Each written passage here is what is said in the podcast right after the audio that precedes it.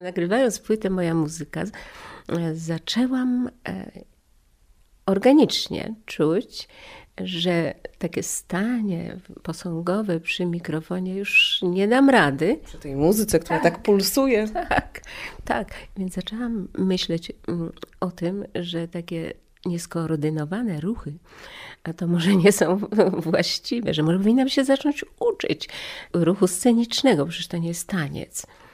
No i rzeczywiście zaczęłam przygotować poszczególne utwory z choreografami, którzy ustawiali mi kroki, jednakże mm, będąc w Nowym Jorku, jakoś w tym czasie poszłam do takiej szkoły tańca. I ja tam znalazłam, mm, jak dla siebie oczywiście, pewną tajemnicę, która jest pewnie ogólnie znana i wtedy była, że ruch y, sceniczny, taki mm, powiedzmy średnio zaplanowany, nie powinien być wyuczony do końca. On może być zaplanowany, ale powinien być przefiltrowany i być jakby naturalnym ruchem. I tego mnie tam nauczono.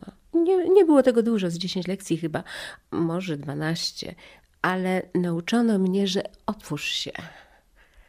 No, rusz się na tej zasadzie. Strasznie mi się to podobało. Ta szkoła też ale najbardziej mi się podobał e, ruch, jak, jakiego zaczęłam używać na scenie. Publiczności to się nie podobało. Czy cokolwiek się mogło nie podobać publiczności? Mi się wydaje, że pani od zawsze była ulubienicą. To, tak, e, rozpuszczona totalnie przez publiczność. Wydawało się, że właściwie mogę zrobić wszystko. A potem się okazało, że to nieprawda, nie mogę zrobić wszystkiego, ponieważ publiczność pewnych rzeczy no, po prostu nie rozumie publiczność siedziała tak, nie wiedziała co zrobić, jak zareagować. Ja musiałam długo przekonywać, śpiewając naturalnie, pokazując utwory nowe. Musiałam długo przekonywać, aż wreszcie ta publiczność w pewnym momencie stawała.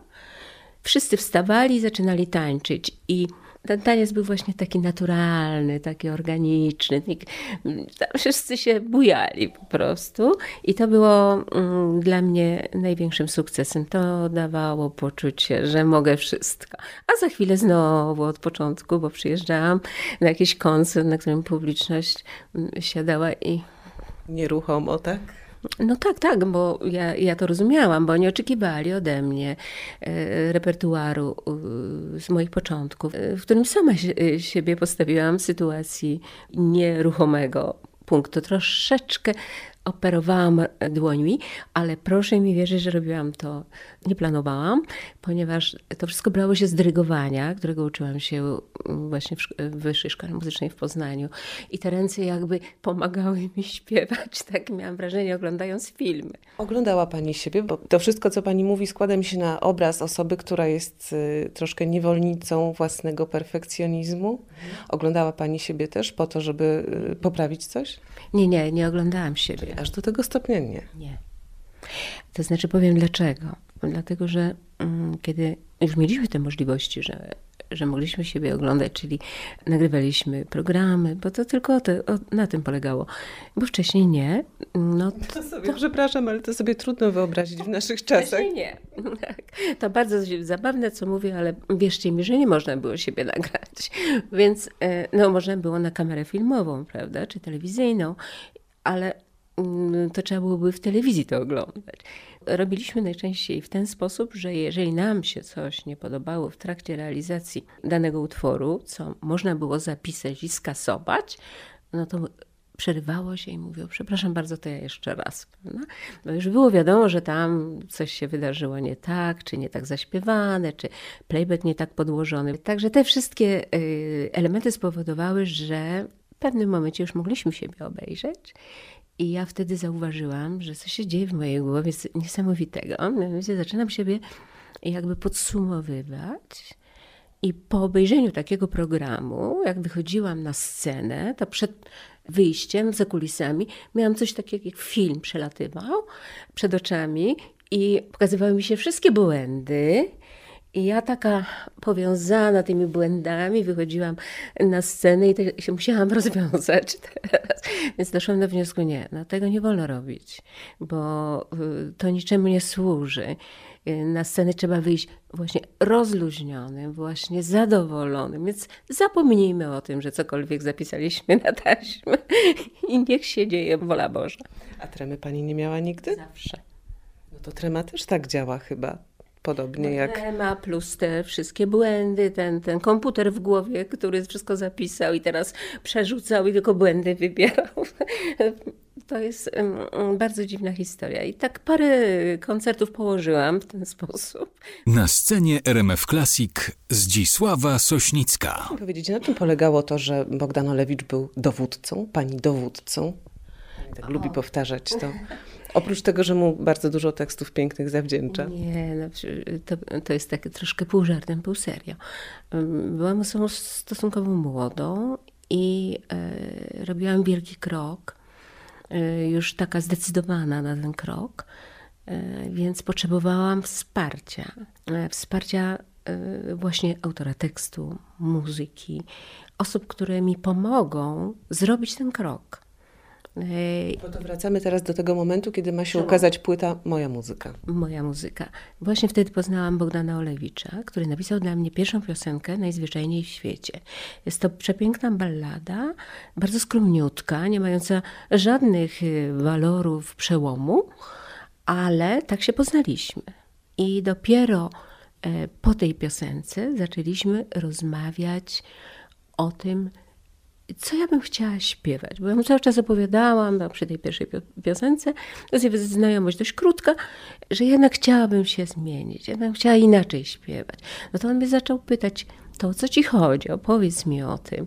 No to zaczęłam mu pokazywać płyty, jakie mam, co z czego słucham i że nie, nie chcę kopiować, tylko chciałabym to przez siebie przefiltrować. No to on zaczął mi pomagać w takim sensie, to, tego, tego posłuchaj, tamto posłuchaj. A zaczyna, zaczął ze mną współpracować na zasadzie właśnie pedagoga wręcz. Mm, A równocześnie przynosił mi do tych y, utworów, które y, wybieraliśmy wspólnie, teksty. I stąd powi- porównałam go mm, do, y, do takiego dowódcy, który wspierał, popierał i rządził. I sprezentował pani piosenkę Julia i ja? To znaczy on mi jej nie sprezentował. Ale jak to? Była jakaś taka historia niespodziewana? Tak, tak, nie, to była taka historyjka, że em, ja dostałam kasetę pocztą, kasetę magnetofonową, taką malutką i te, na tej kasecie była jedna piosenka. Podpisał się człowiek nieznany mi zupełnie. Wtedy miał inne nazwisko, potem je zmienił dla Julii chyba. I napisał jedno zdanie chyba, czy mogłaby pani to przesłuchać? No to ja przesłuchałam raz, drugi, trzeci. Jakoś tak nie za bardzo. Że to troszeczkę dla mnie za małe zadanie, e, ta Julia. No będę sobie śpiewać, nucić. No, to było w ogóle grane na fortepianie albo z gitarką. Już tak dokładnie nie pamiętam. I ponieważ spotkałam się tego dnia z Olewiczem, no to mówię, weź, posłuchaj sobie. Mm, Człowiek, taki młody człowiek jakiś przesłał e, piosenkę, to posłuchaj tej piosenki. Czy ona będzie się nadawała na, na naszą płytę, bo właśnie przygotowywaliśmy odcienie samotności. I Olewicz wziął, e, w ciągu paru godzin napisał tekst i o wpół do trzeciej w nocy zadzwonił i mówi, "Mm, jest, piękna jest, nazywa się Julia. A ponieważ wziął cztery czy pięć utworów, to ja nawet nie wiedziałam, która. I mówię, no dobrze, Mógłbyś, ale a powiedz dlaczego? Dlaczego dzwonisz o, o 2.30 w nocy? A on mówi, no bo jest piękna.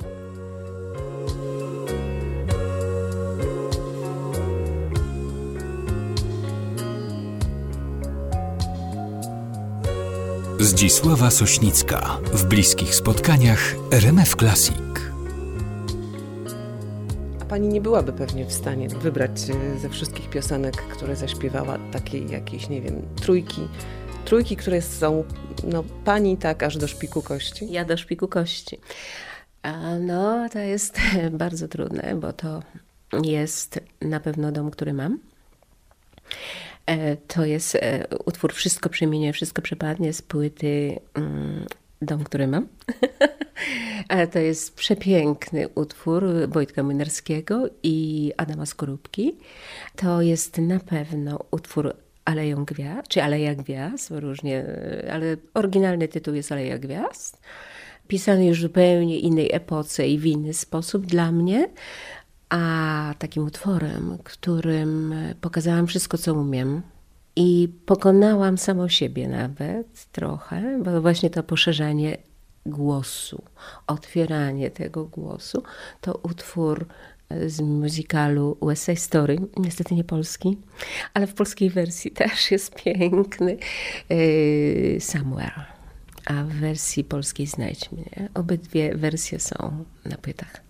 A jak się pani pracowało nad tą taką Zdzisławą Sośnicką od początku do końca, którą pani wydała w tym roku? To wszystkim jest y, takie spełnienie marzeń, które, y, które się wydawało nieosiągalne. To są piękne momenty w życiu i to należy zapamiętać. To jest y, coś, co za mną chodziło, biegało, poruszało mnie, budziło mnie w nocy i mówiło: Boże, co zrób z tym coś. Bo materiał leżał na taśmach profesjonalnych, bez dostępu, nawet dla mnie. Tylko na analogach. Analogi mają swoją datę ważności. Ja je kocham, uwielbiam, ponieważ one dały mi szansę przetrwania wśród moich, mojej publiczności. Natomiast w pewnym momencie ja już sama nie mogłam analogów słuchać, bo moja głowa, wykształcenie muzyczne to może nie, nie to słowo, mój rozwój muzyczny poszedł już tak daleko, że analog był dla mnie, no to było za mało. Ja już żądałam większych brzmień, ja już chciałam więcej i pamiętałam, jak nagrywałam te utwory, zgrywałam je, że one brzmiały inaczej że one były pełniejsze. Ja po prostu czasami byłam rozczarowana tym, co znajdowało się na taśmach, na kasetach, właśnie na, na analogach. Mam rozczarowana, bo mnie się wydawało, że coś mi zabrano. Część tych utworów mi zabrano. No, ale tak naprawdę było. No, tak było. Ale y, ja nie, nie miałam nadziei na to, że ja to będę mogła odzyskać. Bo żeby to odzyskać, to przede wszystkim nie zrobię tego sama to musi być ktoś, człowiek, który będzie na tyle oddany tej pracy, żeby sięgnąć po utwory sprzed 40 lat, no bo to trzeba sobie jasno powiedzieć. Pierwsza płyta ma 43 lata, a reżyser dźwięku, który postanowił to zrobić, ma 42. Więc e, dzwoni do mnie po dwóch tygodniach, odkąd się umówiliśmy, że jednak robimy to razem dzwoni do mnie i mówi, Pani Sławo, ja znam te utwory. Mój ojciec kupował Pani płyty. I ja tak nasiąkałem od całego dziecka. Także rzeczywiście było mu łatwiej, łatwiej, bo niełatwo pracować, ponieważ on gdzieś to też miał w sobie. Też to odkrył, że pamięta, prawda? Bo on nie, nie wiedział, że pamięta. A ja z kolei odkryłam to, że te płyty były i są w mojej głowie, tak jak je nagrywałam w studiach, to brzmienia naturalne, wielkie orkiestry, wspaniałe smyki. To wszystko we mnie odżyło i mogliśmy wspólnie walczyć o jak najpiękniejsze uniesienie tych utworów i odkrycie tych pięter, które zostały schowane mm, na, na taśmach. One tam są. I możemy to zrobić z każdym wykonawcą. Dosłownie z każdym. Tylko trzeba to chcieć zrobić. Ja bardzo bym chciała, żeby polskie nagrania dalej robiły tak wspaniałą pracę, y, jaką w tej chwili robią, odświeżając polskie piosenki. Nie tylko moje. Oni mają chyba 400 płyt do odnowienia. I ta kolejność jest teraz tylko, prawda? Kto kiedy i przez kogo zostanie, że tak powiem, odnalezione.